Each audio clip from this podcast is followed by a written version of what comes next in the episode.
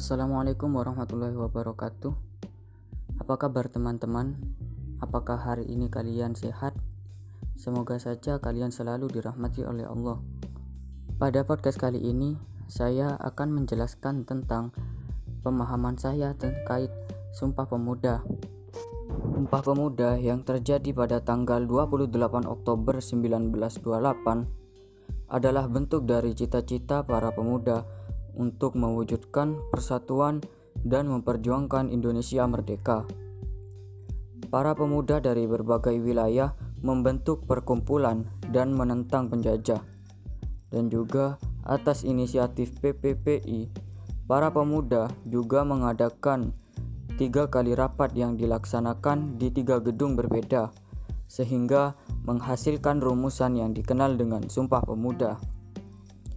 Dalam meneruskan Sumpah Pemuda, mahasiswa di generasi Z dapat membuat dan menyebarluaskan tulisan-tulisan atau konten-konten positif sebagai sarana untuk menyadarkan akan pentingnya bela negara dan menumbuhkan ideologi Pancasila. Dan juga mereka dapat mengajak masyarakat untuk berkontribusi dengan cara memberikan challenge yang berhubungan dengan kewarganegaraan kepada khalayak luas.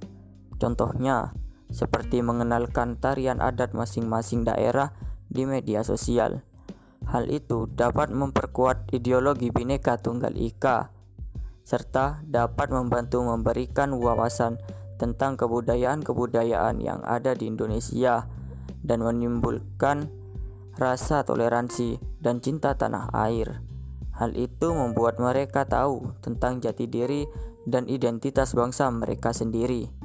Pada Kamis 28 Oktober lalu, mahasiswa berunjuk rasa menuntut keadilan tentang hak-hak masyarakat yang belum diperoleh agar pemerintah mempertimbangkan tuntutan-tuntutan terkait.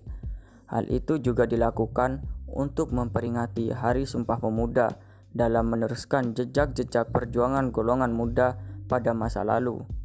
Tetapi, Hal itu harus dilakukan dengan sikap sewajarnya. Jika berlebihan, akan membuat nama mahasiswa yang seharusnya menjadi penerus bangsa tercoreng dan juga melanggar sikap warga negara yang baik. Mahasiswa-mahasiswa tersebut patut diapresiasi dikarenakan berperan aktif dalam mengemukakan pendapat, sedangkan di lain sisi banyak sekali pemuda yang tidak mau berpartisipasi dikarenakan malas. Cukup sekian podcast dari saya. Wassalamualaikum warahmatullahi wabarakatuh.